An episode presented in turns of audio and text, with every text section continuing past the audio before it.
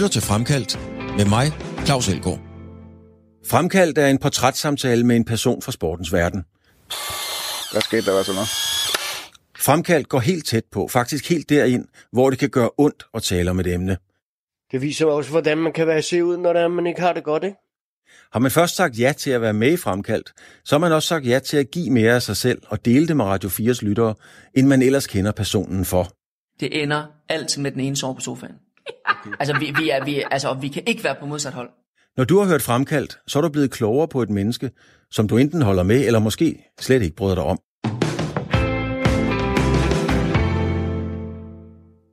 I dag handler Fremkaldt om håndboldspilleren Lars Rasmussen, eller Lille Lars. Lars Rasmussen blev europamester med landsholdet. Han førte sig frem i vild med dans og lavede en mildt sagt ikonisk scene, da han skilte sit hold ud i omklædningsrummet. Mange vil sige, at Lars Rasmussen i en periode bare var for meget. Det siger Lars Rasmussen også selv. Han siger faktisk, jeg var helt utålelig. På et tidspunkt gik det meste skævt for europamesteren, faktisk så skævt, at han en morgen i 2014 spurgte sig selv om, hvorfor han overhovedet gad at stå op, for der var ingen, der gad ham. Lars Rasmussen har fået en diagnose som autist, og det har fået mange ting til at falde på plads for ham. Jeg mødte Lars Rasmussen en gråværsdag på en parkeringsplads ude foran Føtex i Horsens. Lars, hvad, øh, hvad laver du egentlig i dag? Jamen, øh, man kan sige, at jeg laver mange ting. jeg valgte jo at tage det skridt i sommer, så og, og tage kortet for håndbolddelen øh, på topniveau i hvert fald, og stoppet i Kolding. Og, og så har jeg arbejdet de sidste fem måneder på at få banket en, tre foredrag op, og ikke bare foredrag øh, ud at fortælle en eller anden forening og håndboldkarriere, men faktisk foredrag omkring ledelse, menneskeledelse, min egen transformation, øh, og så jo det, som der kom frem her for en måneds tid siden med, at, øh, at jeg også har den diagnose, som hedder ADHD autisme. Ja, den vender vi jo tilbage til. Altså, jeg spurgte dig, om vi kunne finde et sted, vi kunne mødes, og så sagde du, lad os mødes på parkeringspladsen ved Føtex Bankærvej i Horsens. Så her holder vi nu. her holder vi nu. Jeg har handlet ind en del gange. øh, men det, det er jo fordi, vi, vi sidder jo egentlig i, i det område, hvor at mit liv øh, på godt og ondt øh, ligesom var godt. Og så øh, i 13, øh, hvor jeg sådan øh, måske blev voksen, eller det også gik op for mig, at hvad fanden har du egentlig at tage dig til i dit liv en mandag morgen, ikke? Men lad os, lige, øh, lad os lige prøve at køre lidt rundt. Hvor er det, vi kører hen af først? Jamen, jeg synes, der må jeg starte bilen. Du må gerne starte bilen. Ja. Og hvis der er nogen, der tænker, så har vi både sikkerhedssele på, og alt er i orden efter forskrifterne, så øh, vi... det kan ikke betale sig at ringe ind og klage under. Overhovedet ikke, og jeg, vi er jo i, i trådløs, hvis det er det, og ja, ja vi, vi er utrolig lovlydige, og nu slukker vi lige musikken her. Ja. Det, det lader vi andre radiostationer om at gøre, hvis ellers de med jo, ikke? Hvis vi kan få den slukket. Det er, når man har sådan en bil, Claus, ikke? For det er jo kraftedeme umuligt, al den der teknologi. Jeg kan jo slet ikke finde rundt i den, altså. Og allerede nu kan vi jo se, at jeg kører lidt galt, ikke? Jo, fordi at, uh, her må vi nemlig ikke køre, ud. køre ud. Men, uh... Hvornår var det, Lars? Uh, hvornår var det egentlig, du blev europamester i håndbold? Det blev vi jo i, i 08. Ja. Og nu er det din sikkerhedssel, der, der piver. så vi nåede næsten at sige den for, for sent. Det var i, det var i 08? Det var i 08, ja. Og, øhm, og jeg møder så min øh, ekskæreste Camilla i 9 og begynder at få min gang her i Horsens, og jeg stopper jo i Holstebro i 10, og, og så går jeg og prøver at gå tv, radiovejen, medievejen, ikke? Øhm, og jeg, det er fordi, det sidder så dybt i mig, det var en god, dejlig periode, men bevidst, ubevidst, så var jeg godt klar over, at jeg var ved at være på et skråbrænding skråplan ikke? Jo, det vender vi, øh, det vender vi tilbage til, fordi at, øh, ja, du var derude, hvor at, øh, man nok ikke skulle så meget længere ud. Kan man godt sige det? Ja, det synes jeg jo, man skal være ærlig at sige, fordi at det er jo det, jeg blandt andet fortæller om øh, i dag, at i, min, i et af mine foredrag, at jeg stod en mandag morgen i 13, og det er jo faktisk der, vi er på vej ned nu. Øh, det var til det hus, som mig og Camilla byggede dengang, øh, hvor jeg står op. Mig og Camilla er gået fra hinanden, og øh, jeg glemmer det aldrig. Den mandag morgen, marts måned i 2013, jeg står op og kigger mig selv i spejlet, og, og så siger jeg til mig selv, hvad vil sige mig engang, Lars, hvad fanden, hvad fanden står du op for? Altså, Jeg havde kottet alt i håndboldverdenen. Øh, jeg havde været på alt i tv og troet, det var vejen. Det var det, der gjorde, at jeg skulle være øh, studievært, Godmorgen Danmark, vært, whatever. Um, og lige pludselig står jeg, der er ikke nogen, der har ringet. Der er ingen tv-jobs. Jeg har ikke noget familie tæt på mig, andet end min mor og far og min bror selvfølgelig, som er over i, øh, i Lømpe. Um, øhm, jeg står vidderligt og tænker, hvis det her, det er livet for mig, jamen så er der ingen grund til at have et liv. Men, men det må du lige, øh, det må du skulle lige forklare, Lars. Hvordan har man det så? Altså, hvad, hvad er det for en følelse, tomhed? Fordi vi kan godt forstå det der med, at man har det skidt, men hvordan har man det så skidt? Jamen, du føler et gigantisk nederlag som menneske. Man skal prøve at sætte sig ind i, at jeg har været så heldig at være en ret profileret sportsstjerne i Danmark, og EM-guld, og spillet i Tyskland i mange år, og, øh, og har været med på landsholdet, hvor det var rigtig, rigtig sjovt. Og lige pludselig, så alle udad til tror jo, at alle også kendte sportsfolk eller andre, at det hele kører på skinner. Men det gør det jo bare ikke. Og jeg tror egentlig, at for mig var det et ekstra hårdt slag, at nærmest føle mig som et sølle lille væsen, som ikke havde noget i sin håndboldkreds, ikke havde noget i tv-verden, havde få venner, som selvfølgelig var i København. Øh, det var så stort et nederlag, Claus, for en sportsmand, at man faktisk skulle stå og kigge på sig selv og sige, øhm, det er nok ikke lige mig, folk skal spørge til, hvordan er man øh, får sit liv til at, at være stabil, fordi det er da det sidste, at jeg har gjort. Jeg kan huske, at øh, Richard Møller, han havde et udtryk, vores gamle landstræner i fodbold. Han havde et udtryk, som han elskede at sige til mig, når jeg lavede interview med ham efter kampene, hvis de havde tabt. Så sagde Richard altid, vi var renon i alle farver. Havde du det også sådan? Ja, det tror jeg godt, man kan kalde det. Altså, jeg, jeg kunne ikke komme meget mere renon. Øh, det var forfærdeligt, og, øh, og det er første gang, jeg er her i lang tid. Men det er jo lige præcis inden her, hvor vi kører ind af indkørelsen nu. Det er jo mit hus, og det jeg har bygget. Ja. Og øh, det var faktisk lige når døren til venstre, hvor jeg stod og kiggede i spejlet. Vi holder øh, i en indkørsel. Øh, Ja. meget klassisk øh, bankager, et meget klassisk, øh, sådan lidt nybyggerkvarteragtigt, øh, et stort, ret, det ser ret stort ud, hus, der er en kæmpe græsplæne. Ja. Så står der et lille sort øh, legehus med hvide vinduer. Græsset er meget, meget trimmet, kan man roligt sige. Det er ikke en green, men det er tæt på. Dem, der bor derinde, øh, passer haven. Ja, det, altså, det er ikke mig. Det er ikke min fortjeneste, at jeg tror jeg ikke, og, og græs ser sådan ud. Nej. Øh, men huset, det, det er da mit valg, som det skulle se ud. Nu er der ikke nogen hjemme. Øh, det var en hård tid. Hvad, hvad, prøv at fortælle det der med, da du, da du vågner og, og tænker, måske gider jeg ikke engang at vågne i morgen. Altså, hvad, den der fornemmelse, øh, afmagt, hvad, hvad, hvordan? Jamen, Jeg har altid været en mand, som har vidst, hvad jeg vil, og vidst, hvad jeg kunne, og kunne nå de ting.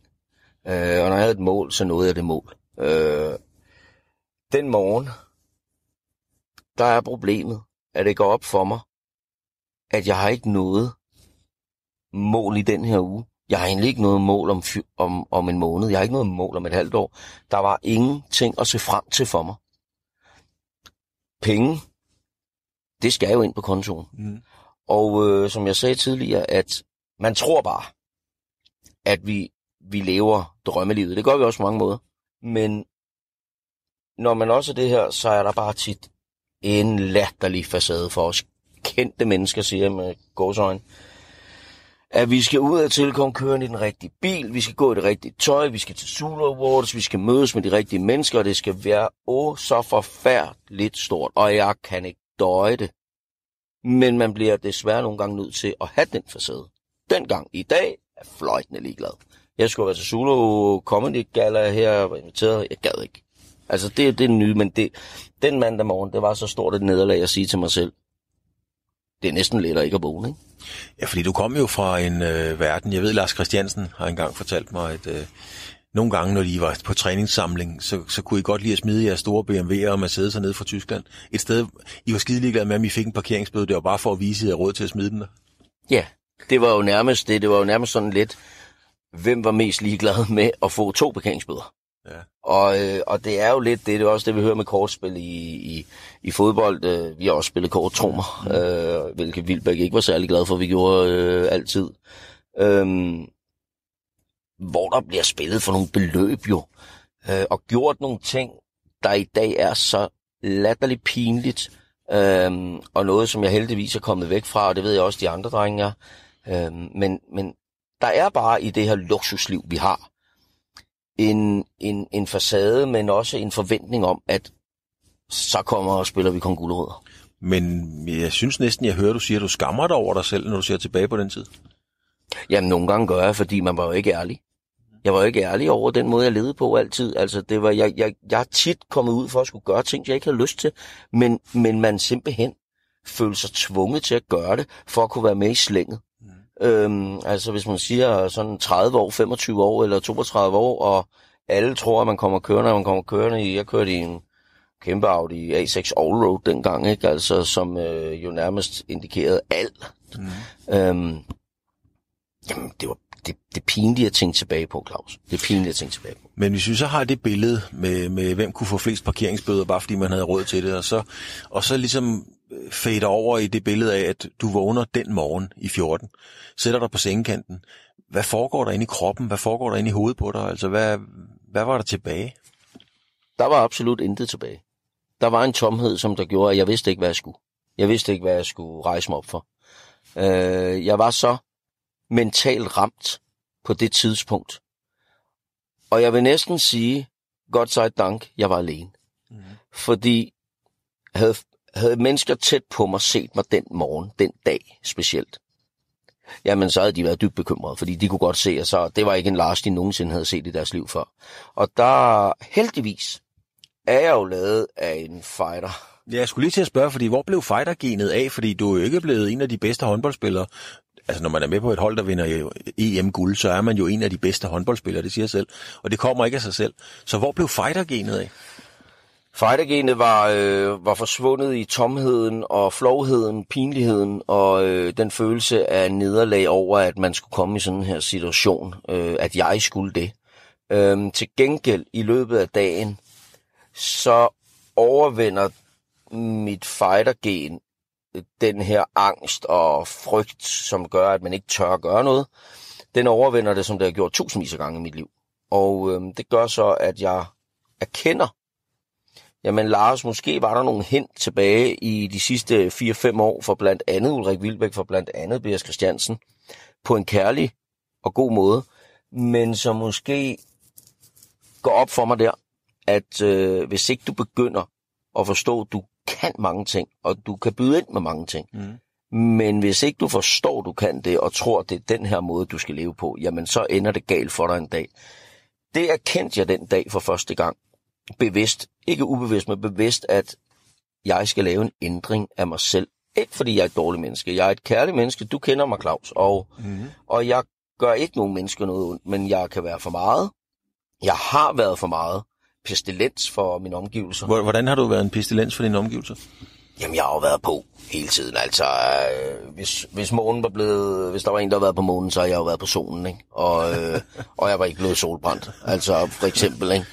Øhm, du ved, højt råbende, som vi kommer ind på sikkert senere, det ved jeg jo ikke, jeg kender ikke din, øh, din øh, agenda, men øh, kvæg den diagnose, jeg har fået senere i mit liv øh, med ADHD-autismen, det har jo været den overordnede grund til det, men jeg har simpelthen været højt råbende og fyldt ufatteligt meget, som langsomt var ved at blive nok for os selv, min nærmeste. Men, men øh, ja, nu er du så autist, du har ADHD, ja. men du er stadigvæk Lars, du er stadigvæk lille Lars. Ja. Altså, så man kan sige, fordi du har fået diagnosen, er du jo stadigvæk dig. Men hvordan har du så bearbejdet det for netop ikke at være ham, der var en pestilens for alt og alt? Jamen, det er jo som jeg ser det lidt, øh, ikke fordi jeg roser mig egentlig aldrig næsten, men jeg roser mig selv i den her situation, fordi at for jeg overhovedet kunne ændre mig, min transformation, som jeg også snakker meget om ud til, øh, til andre mennesker, jamen så kræver det jo, at man først og fremmest selv erkender, at der er noget galt, og der er noget, man skal ændre på. Mm-hmm. Og øh, det var det første, jeg gjorde. Det gjorde også den mandag morgen i marts i 13.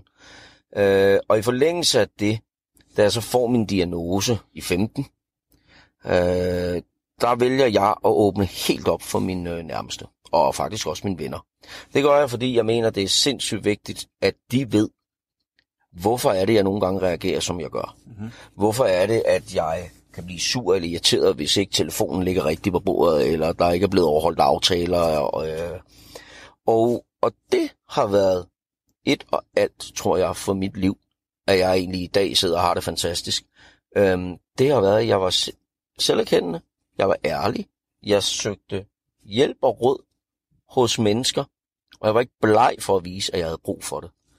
Det gjorde det var lettere for dem også at håndtere mig, og, øh, og det er den største vigtighed, jeg ser for os, som har det, man kalder diagnoser, og nu er det ADHD autisme for mig, som har begge dele. Mm. Øhm, det er, hvis du er stærk nok til at fortælle det og vise det, og ikke føle det som et nederlag, mm. men nærmest tage det som en gave, og få det bedste ud af den gave, det kan være, jamen, øh, så kan du også nå meget mere, end øh, det, jeg kalder almindelige mennesker kan. Jeg er jo ikke, øh, jeg er jo ikke øh, splitteravne gal, jo, det er jeg nok, men jeg er ikke psykopat, jeg er ikke, øh, jeg er ikke øh, ramt, ramt, ramt, der gør, at jeg ikke kan fungere. Der, hvor jeg er ramt, det er, at når folk går bag min ryg, mm. dolker mig i ryggen, så ryger temperamentet af.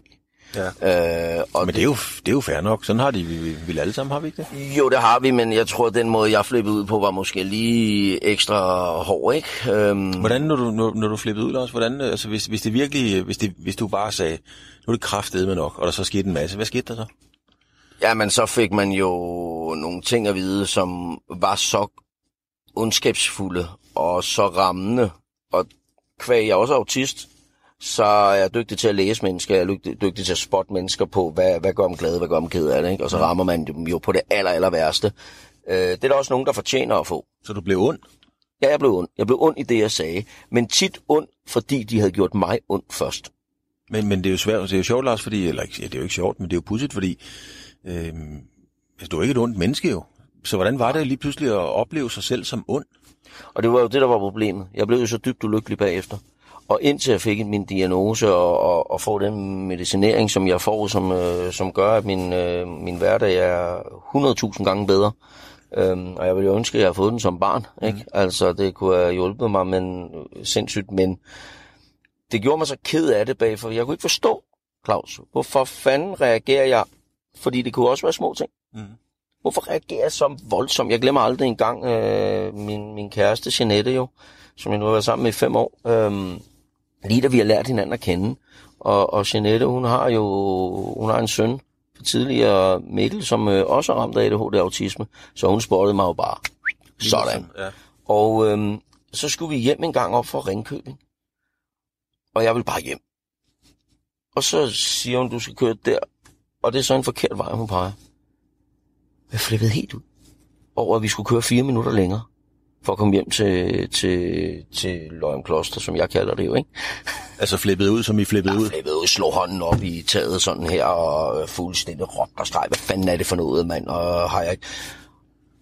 Jeg falder så lynhurtigt ned bagefter igen. Og jeg bliver og siger jo undskyld. Men der er også grænser for, hvor mange gange man kan sige undskyld. Mm. Øhm, og det hobede så bare op. Specielt i 14 og 15 hobede det så op. Altså, jeg har haft problemer i nullerne, jeg har haft problemer i 90'erne grundet det min, de her ting med temperament, ikke? og har jo været ved at miste karrieren et par gange, virkelig mist, mist, mist. Og, øhm, og på et tidspunkt siger jeg til Jeanette, i øh, sensommeren 15, så siger jeg, "Ved du hvad, der er noget galt med mig. Det kan ikke passe det her.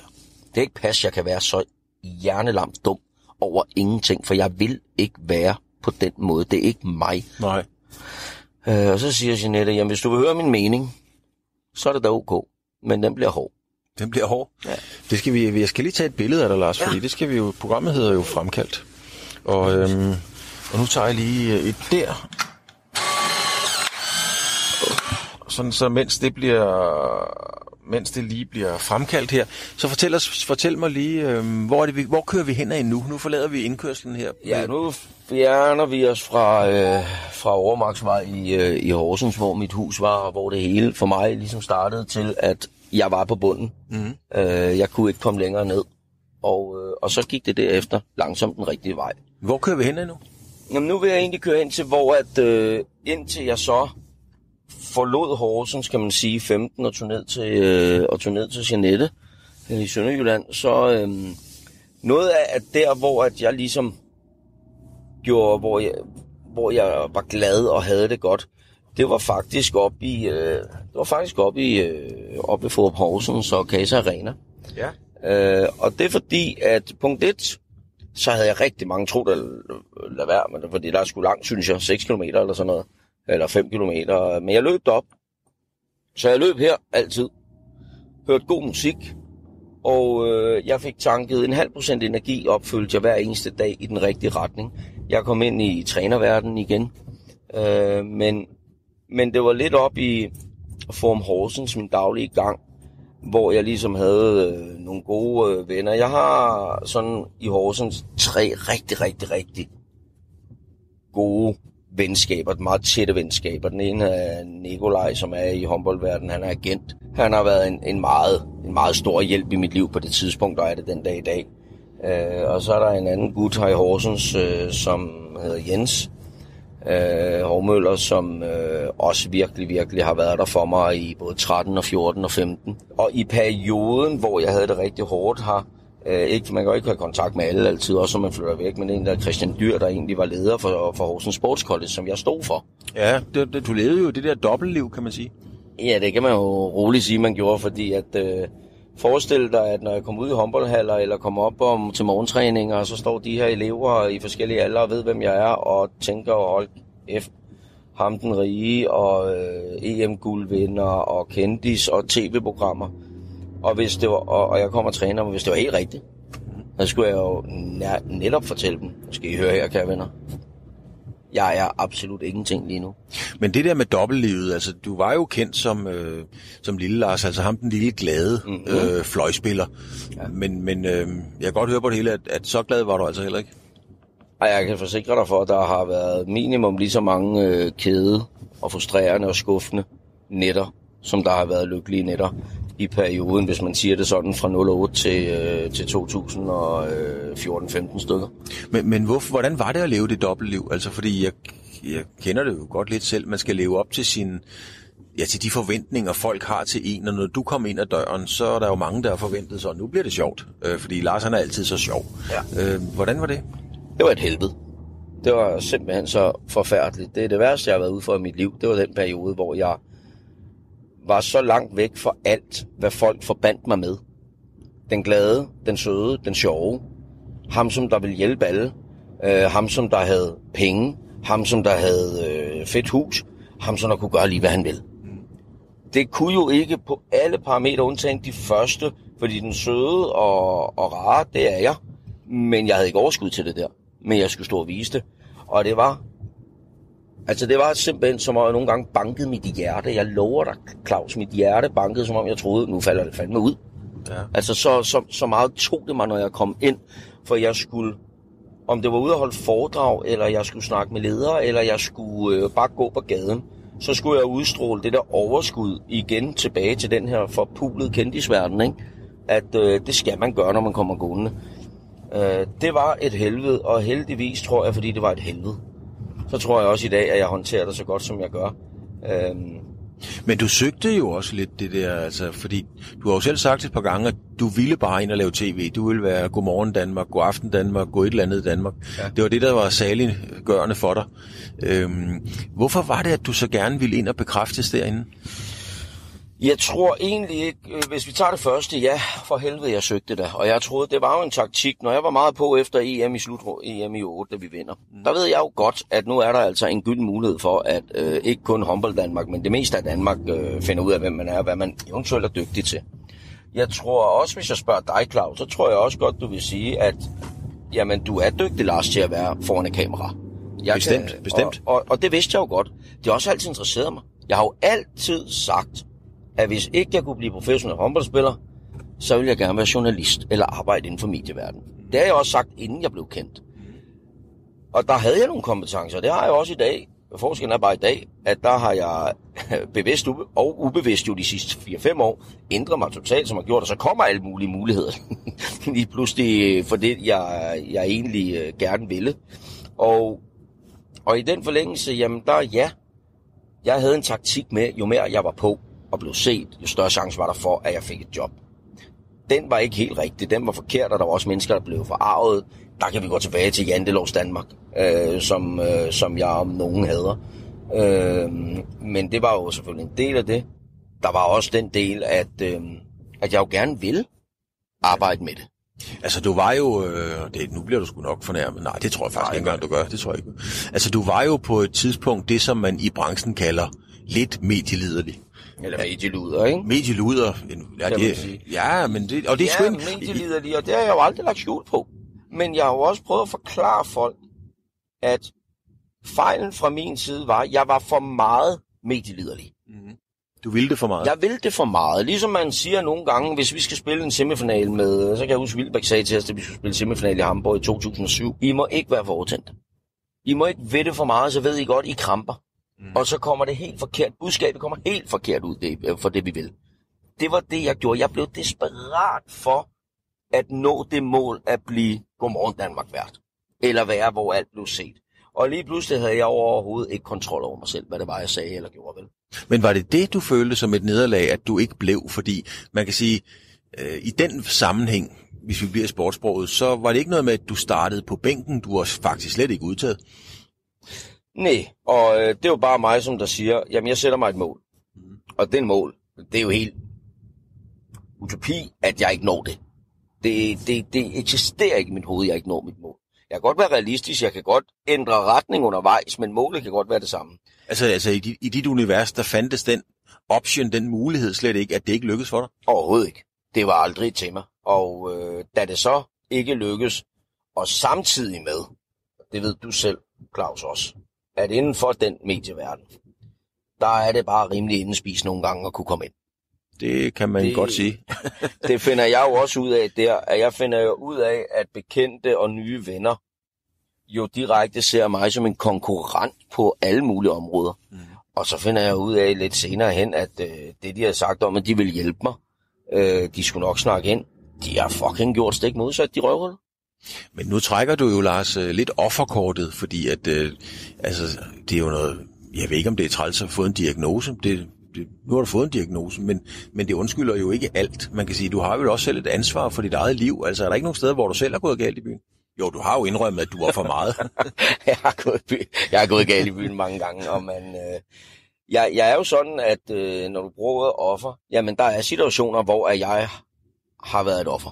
Mm. Det tør jeg godt indrømme. Det er ikke noget at gøre med, at man skal have ondt af mig. Det er det sidste, folk skal have af mig, fordi at jeg kommer altid igennem, jeg klarer mig altid igennem, og jeg vil altid vinde mm. i sidste ende. Men, det når- men når jeg siger trækker offerkortet, så mener jeg jo, at, øh, at øh, jeg hører dig lidt sige nu, at det var sgu ikke din skyld, det var også alle de andre, der var dumme.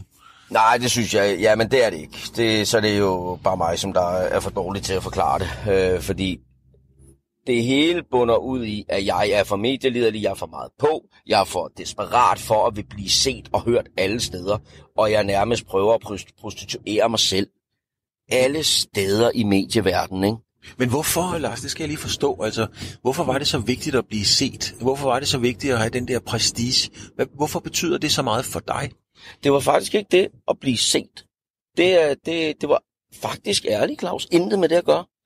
Det var noget at gøre, jeg troede, at jo mere jeg blev set, jo mere jeg var der, der, der, til middag hos kvægræs, kvægræs, øh, firestjerners rejs, øh, vild med dans, øh, øh, djævleræs, som det hed dengang. Jo mere jeg var på, troede jeg, jo større chance for var der, at jeg fik et tv-job.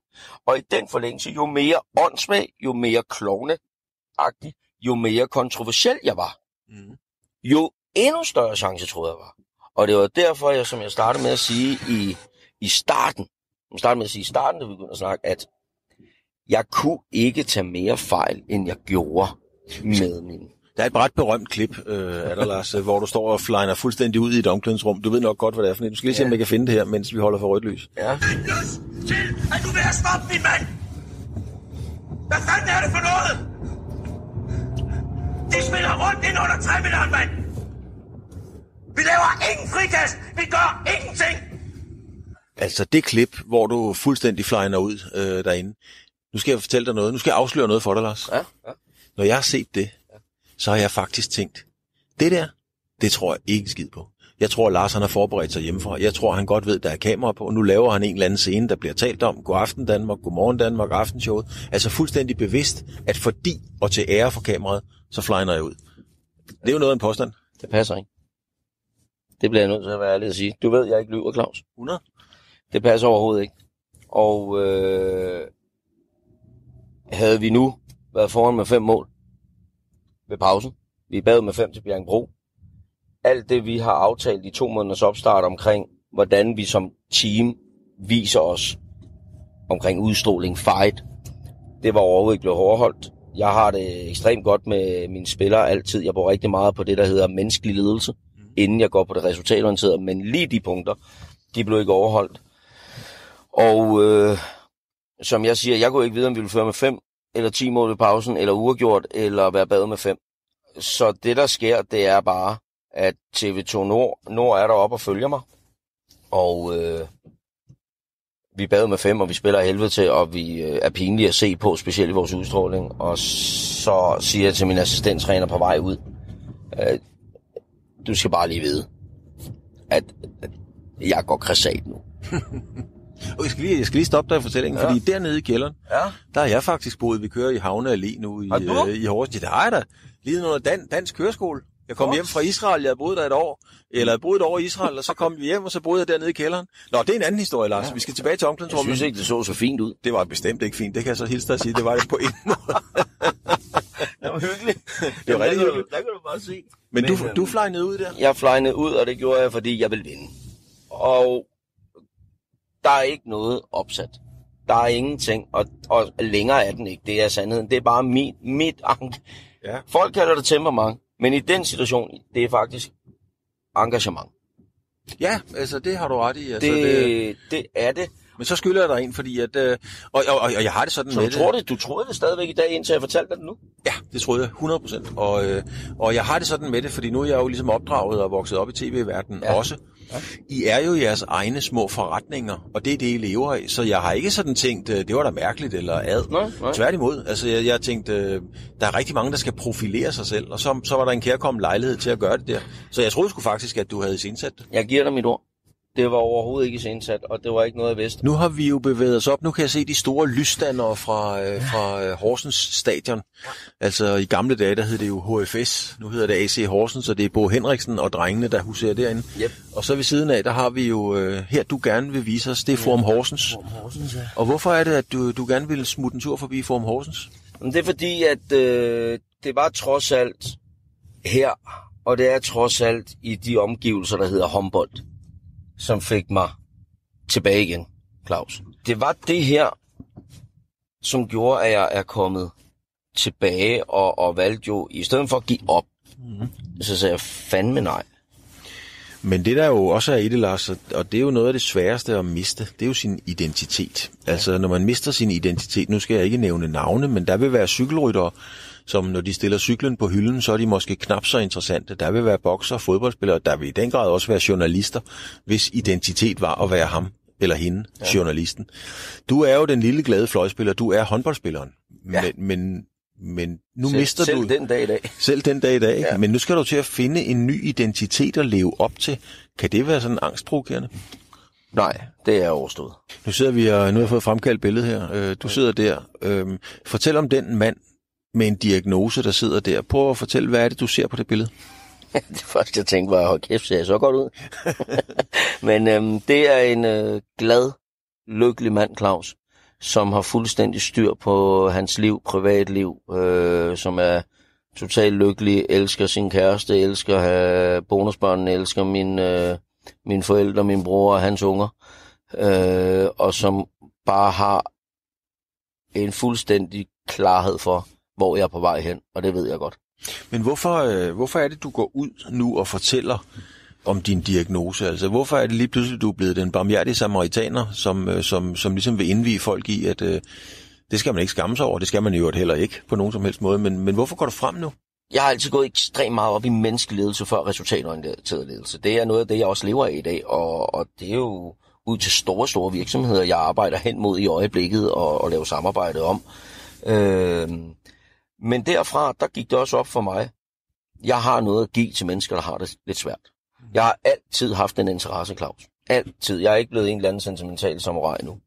Jeg har altid været meget opmærksom på mennesker, der ikke har det godt, og vil gerne kunne gøre noget for dem.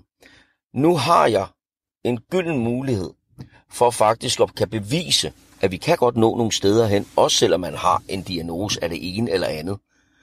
Hvis bare man selv er med til og villig til og vil åbne op om den.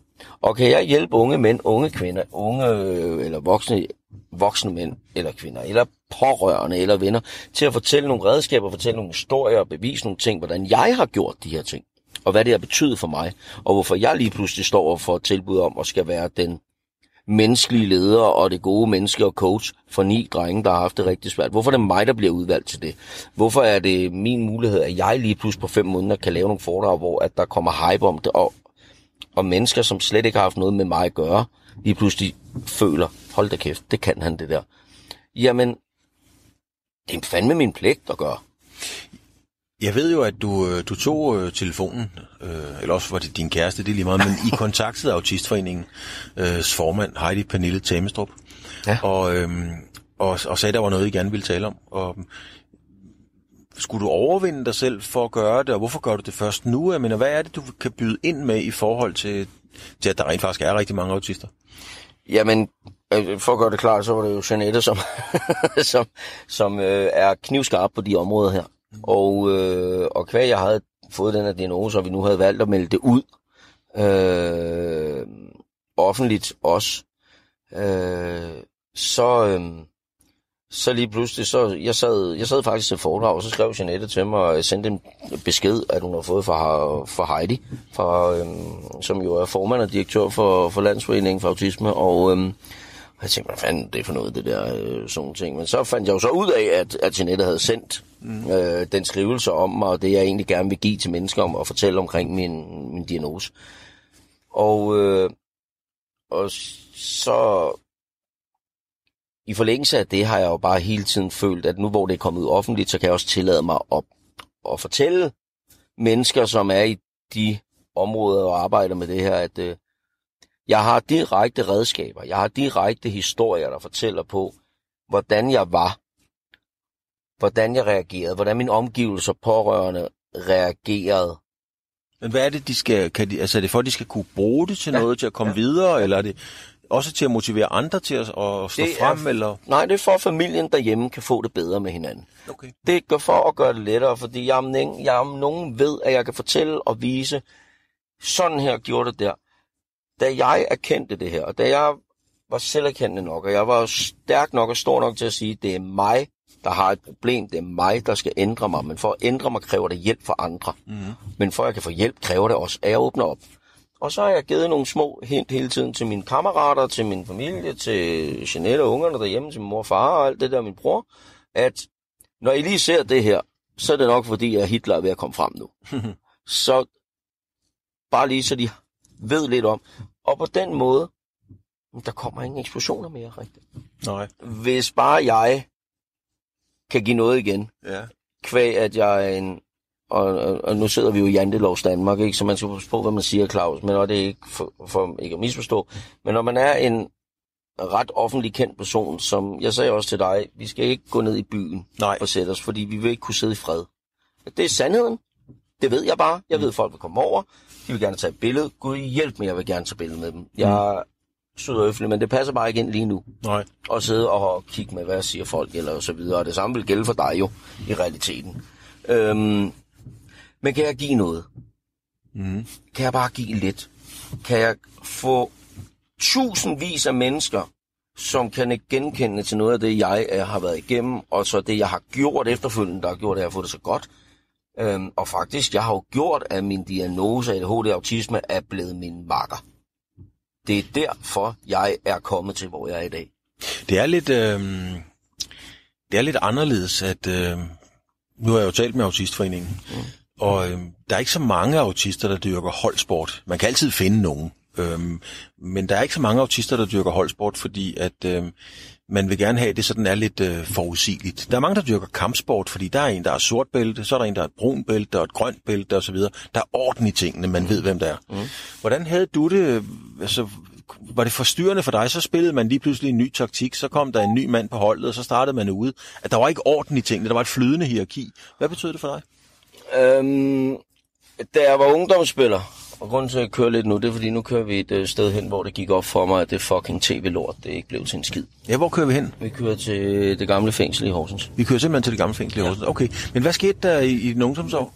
Jamen, der sker det, at, øh, at punkt 1, så nævner du selv det her med, at det er, at vi er jo meget egoistiske, og vi skal helst bare kunne gøre tingene alene.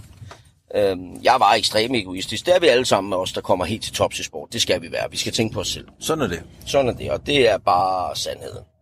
Og øh, skruer jeg lidt ned for varmen for dig. Hvis Det er en rigtig god idé. Nå, tak. Det skulle du da bare sagt. øhm, så, øh, ja, fordi du sidder med jakken på og alt muligt. Ja. Jeg sidder i t-shirt jo. Men, øhm, men langsomt der fandt jeg også ud af, at jeg tror, mit held var, og igen, nej, Jantelovs Danmark, det er ikke noget med at prale, det er sandheden. Jeg var så så heldig at være den bedste i min årgang, stort set, mm. sammen med Kasper Witt blandt andet. Sammen med Kasper, ja. Ja, og... Øhm, Kasper Witt er håndboldmålmand og stået på landsholdet. Er i øvrigt, jeg tror, han er sportschef nu for Astralis. Ja, Astralis. Ja. Han øh, kører en kæmpe karriere der, og taget et kæmpe spring jo væk fra håndbold til over der. Men Kasper har jo også lidt den snært af ADHD, vil jeg sige. Nu slår han mig ihjel selvfølgelig, når jeg siger det, ikke? Men, øh, men det er jeg helt sikker på, fordi ellers skal man ikke være så overgivet, som han sat med hele tiden. Altså nærmest det er skide sjovt. men, øh, men jeg blev reddet af, at jeg var den bedste. Og det vil sige, at jeg kunne afgøre tingene i min omgang over, øh, øh, hvad hedder det, i min overgang Ja. som person og menneske, når jeg spillede, til at så var jeg ikke så afhængig lige der. Men til gengæld lærte jeg jo så også, som jeg kom op på yndlingslandsholdet og ungdomslandsholdene, igennem mine trænere, at det er altså et team, det her. Mm. Og hvis du vil være en del af et landshold, så er det ikke Lars Rasmussen, det handler om. Vi kan faktisk ikke være mere ligeglade med dig. Det handler om teamet. Og det var lidt svært at forstå, kunne jeg for, for, fornemme. Ja, det, det var lidt svært, når man kom som kongen af Lønby, ikke? Og, øh, og, og så lige pludselig få at vide, jamen hør nu her, lille ven. Der er to andre, der rigtig gerne vil spille her. Hvis de vil indordne sig mm. på holdet og følge de øh, aftaler og taktikker, som der bliver, og regler, der bliver lavet som et team, jamen så må de jo være der i stedet for dig. Og jeg tror, selvom det var så svært og så frustrerende, og så startede man ud og hold kæft, hvor er det dog uretfærdigt og lorte træner og hvad ved jeg. Øhm, så var jeg så, hvordan skal man sige, så trods alt bevidst om, der var ikke noget men, hvis jeg ville være en del af det her. Og så arbejdede jeg mig jo rigtig meget, og har altid været rigtig dygtig til at snakke og åbne op med mine folk. Det er det, jeg egentlig ser det her, hvor min autisme og, og man kan sige, at ADHD kommer ind, det er også, at jeg er lynhurtig til at vise, at jeg er ked af det. Mm-hmm. Jeg er ikke bleg for at vise det, og hvis der er et eller andet, der frustrerer mig, så tager jeg den øh, og siger, ved du hvad, jeg, jeg kan ikke forstå det her. Fordi der var jo ting, jeg ikke kunne forstå, og så begyndte det jo bare at rumle i mit hoved. Jeg kunne ikke sove om natten. Nemlig. Og, Men altså, uden at vi skal lægge os ud med Kasper Witt, nu nævnte du om selv. Altså, øh, du, du, du træner og er sammen med nogle store drenge på 110 kilo plus. Øh, det er jo ikke det, at man lægger sig ned på, på, og slår i gulvet og siger, at jeg er ked af det. Fordi så, så tror jeg bare, at Kasper han ser det sjov ud i hovedet. det lover jeg, at de gjorde. Øh, der er en god historie med Lars Jørgensen, Kasper og mig til VM i Tyskland. Men, øhm, men til gengæld så... Øh, hele grunden til, Claus, at vi sidder her i dag, og du snakker med mig. Hele grunden til, at jeg blev landsholdsspiller. Hele grunden til, at jeg lige pludselig på fem måneder har fået bygget nogle ting op i mit liv og taget et helt nyt spring. Helt væk fra alt. Og nu kommer vi jo til det gamle fængsel. Ja, lige nu er vi kørt ind igennem porten. Vi er oppe i øh, fængslet i Horsens, som jo er blevet øh, museum, og øh, øh, med flugtkongen og så videre. Den sidste offentlige henrettelse, så vidt jeg husker, foregik i øvrigt i Danmark, hvor han har hugget forkert og ramt jo ned i skulderen. Det var noget rigtig træls Den, noget. den er skidt. Det er ikke lige frem. Øh, det kunne være, han skulle have været gået i træning lidt bedre, måske inden han... Øh... Ja, det var faktisk ret brutalt, og, og det er jo også heroppe, der, der var jo specielle afdelinger for specielt Hells Angels. Nej, ja, absolut. Man kan havde- se, der er stadig pigtråd op, ikke?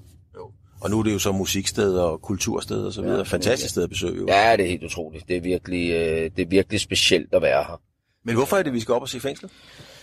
Jamen, det er jo for, fordi i forlængelse af, at lige gøre det andet færdigt med, at grunden til, at vi sidder her, og grunden til, at jeg er kommet i mål og blevet landsholdsspiller, Claus, og øh, at ser ud til at få en ny karriere. Jeg siger ikke, at jeg ikke bliver håndboldtræner igen. Jeg elsker håndbold. Men, men grund til, at jeg har kunnet tage det spring her og bygge noget op, for man skal jo tjene penge, mm. det er fight. Det er fight. Det er ydmyghed. Og så er det at åbne op og tage andre med på råd, når man har brug for det. Det har du lært sidenhen så? Det har jeg lært rigtig meget fra mandag morgen 2013 i marts. Ja. Og det eksploderede til, at folks syn på mig, uden at jeg har følt, at nogen ikke har kunne lide mig, på den måde ikke kunne lide mig nogensinde, de har altid godt kunne lide mig, men det har gjort, at de sidste 4-5 år, der har jeg, der er folk virkelig, øh, og det er dejligt, og jeg elsker det. Jeg er dybt taknemmelig og ydmyg over det, at, at, at al den kærlighed nogle gange og søde beskeder, jeg får fra folk, når de har set mig til dit og dat, det varmer, og det gør mig glad. Men øh, det er jo iskoldt heroppe. Altså et fængsel med pigtråd, det er jo bare koldt, selvom det er blevet til et kultursted. Det var også iskoldt sidste gang, jeg var. Hvad sker, hvad, hvorfor er vi her? Jamen, øhm, vi går tilbage til slutningen af 2012, og øh, Lars mener jo nu, at øh, hold da kæft, jeg arbejder, og nu har jeg fundet på en god idé at lave et tv-program i fængsel Horsens. Jeg har fået, øhm, øh, jeg har fået øh, folkene bag fængslet til at sige, jeg har egentlig siddet og arbejdet lidt på en idé at snakke med produktionsselskaber om det og få dem herover. Og det hele kører, og vi har lavet tegning af. Det var egentlig sådan et tv-program, som skulle gå på, at, øhm, at vi lukkede øh, 16 tidligere kriminelle ind i fængsel. Mhm. Og der var de øh, lukket, og så skulle de dyste om at kunne komme ud og konkurrencer. Og jeg var så verden øh, og skulle være med der. Og jeg har, jeg lover dig, Claus, jeg havde brugt oceaner i tid, og den sad lige, og det hele, og man har brugt mange penge på at forberede det, og jeg fik produktionsselskabet over og alle de der ting. Og så, vi går rundt og ser faciliteterne, vi er ved at have det hele på plads, og siger, jamen det er fint, vi kigger lige på det. Og så hører man ikke noget. Der, der bliver ikke svaret på beskeder. Der Tavshed. bliver ikke svaret. Total tavshed. Og der er jeg jo den person, kvæg mm, ekstra hårdt ramt, kvæg min, øh, min øh, autisme. Mhm. Aftaler er en aftale. Vi følger det, der er aftalt. Vi følger direkte den vej. Hvis du skal lade være med at bryde ud af det lort der, ellers så øh, går det helt galt. Helt tavshed. Tag dog telefonen og ring og sig, det går ikke, eller vi kan ikke få tv med på det, vi kan ikke sælge det, eller vi har fået kolde fødder. Fint nok, fuck jer, men tak fordi I ringede. Mhm. Jeg står stadigvæk med den i dag. Hvorfor? Du hørte aldrig mere. Aldrig. Hvad gør det ved dig? Det gør mig så stik hammerne vred, og vreden går hen til, at jeg bliver jo så ked af det. Fordi jeg kan ikke forstå, hvorfor man gør det mod andre mennesker. Jeg kan ikke forstå, hvorfor at man ikke, undskyld mit udtryk nu, hvorfor kan du ikke have nosser nok til at være en mand eller kvinde, og så bare tage den lidt kedelige melding, som det må være at give mig, at det gør vi ikke, eller det er vi ikke interesseret i. Hvorfor vil man være sådan mod mig? Hvorfor vil man være sådan som mennesker? Og langsomt dengang har det ubevidst fået mig til at sige, nej, jeg vil ikke være sådan. Vi har været lidt inde på det, men du har ikke været, skal man sige, bleg for at promovere dig selv, og det mener jeg stadigvæk, at det har jeg stor respekt for. Jeg lavede en fremkaldt med Morten Brun, mm. fodboldspilleren, som jo gjorde meget ud af, og, og virkelig mente, at han ville altså ikke kaldes europamester i fodbold. Han har godt nok været med i truppen, men han havde faktisk slet ikke været på banen, så han følte sig ikke som værdig til at blive kaldt europamester. Du spillede jo heller ikke sindssygt meget, kan man sige, mm. men du har jo i den grad slået på tromme for, at du var europamester, så der er du ikke beskeden i den sammenhæng. Jeg er overhovedet ikke beskeden, og, øh, og Danmarks bedste øh, fodboldekspert, som øh, jeg elsker at høre Morten. Øh, men derfor så sviner jeg ham også til nu, fordi det er en forkert holdning at have, at øh, han ikke vil kaldes europamester. Øh, jeg vil skide på, om man har spillet meget eller lidt. Jeg spillede, jeg spillede tre en halv kamp, tror jeg, ud af otte, ikke? Øhm, men jeg bidrog med det, jeg blev bedt om og jeg bakkede holdet op. Og samtidig så var jeg intelligent nok til at sige, nu kan du udnytte det her resten af din tid måske. Mm. Og det var det, jeg gjorde. Og det var taktisk. Det endte ud i mange gode ting, men det betyder jo den dag i dag, at de tæsk, jeg har fået, Claus, i det er specielt 12, 13, 14, og så kommer vendingen rigtigt. Fakt er bare, at EM-guldet bliver husket, som lille Lars stadigvæk var med. What the fuck? Jeg lever i bedste velgående. Og øh, i forlængelse af, at jeg så også har, har, har gjort nogle ting, specielt Sule HK-programmet, som jeg nærmest ugeligt får søde beskeder fra mennesker om, og, og alt det her. Øh, og folk spørger, kommer der en toer? Det må fremtiden jo vise. Men, men det gør bare, at i sidste ende, så de nederlag og de slag i hovedet, og den mandag morgen, hvor at jeg kunne have ringet til dig og sagt, tak for, øh, for den her gang, Claus, det var fedt, øh, men nu hører du ikke mere fra mig. Øh, I sidste ende, så er det gjort, at jeg har rejst mig og kommet til, hvor vi sidder nu, og har det godt. Ren taktik for 08.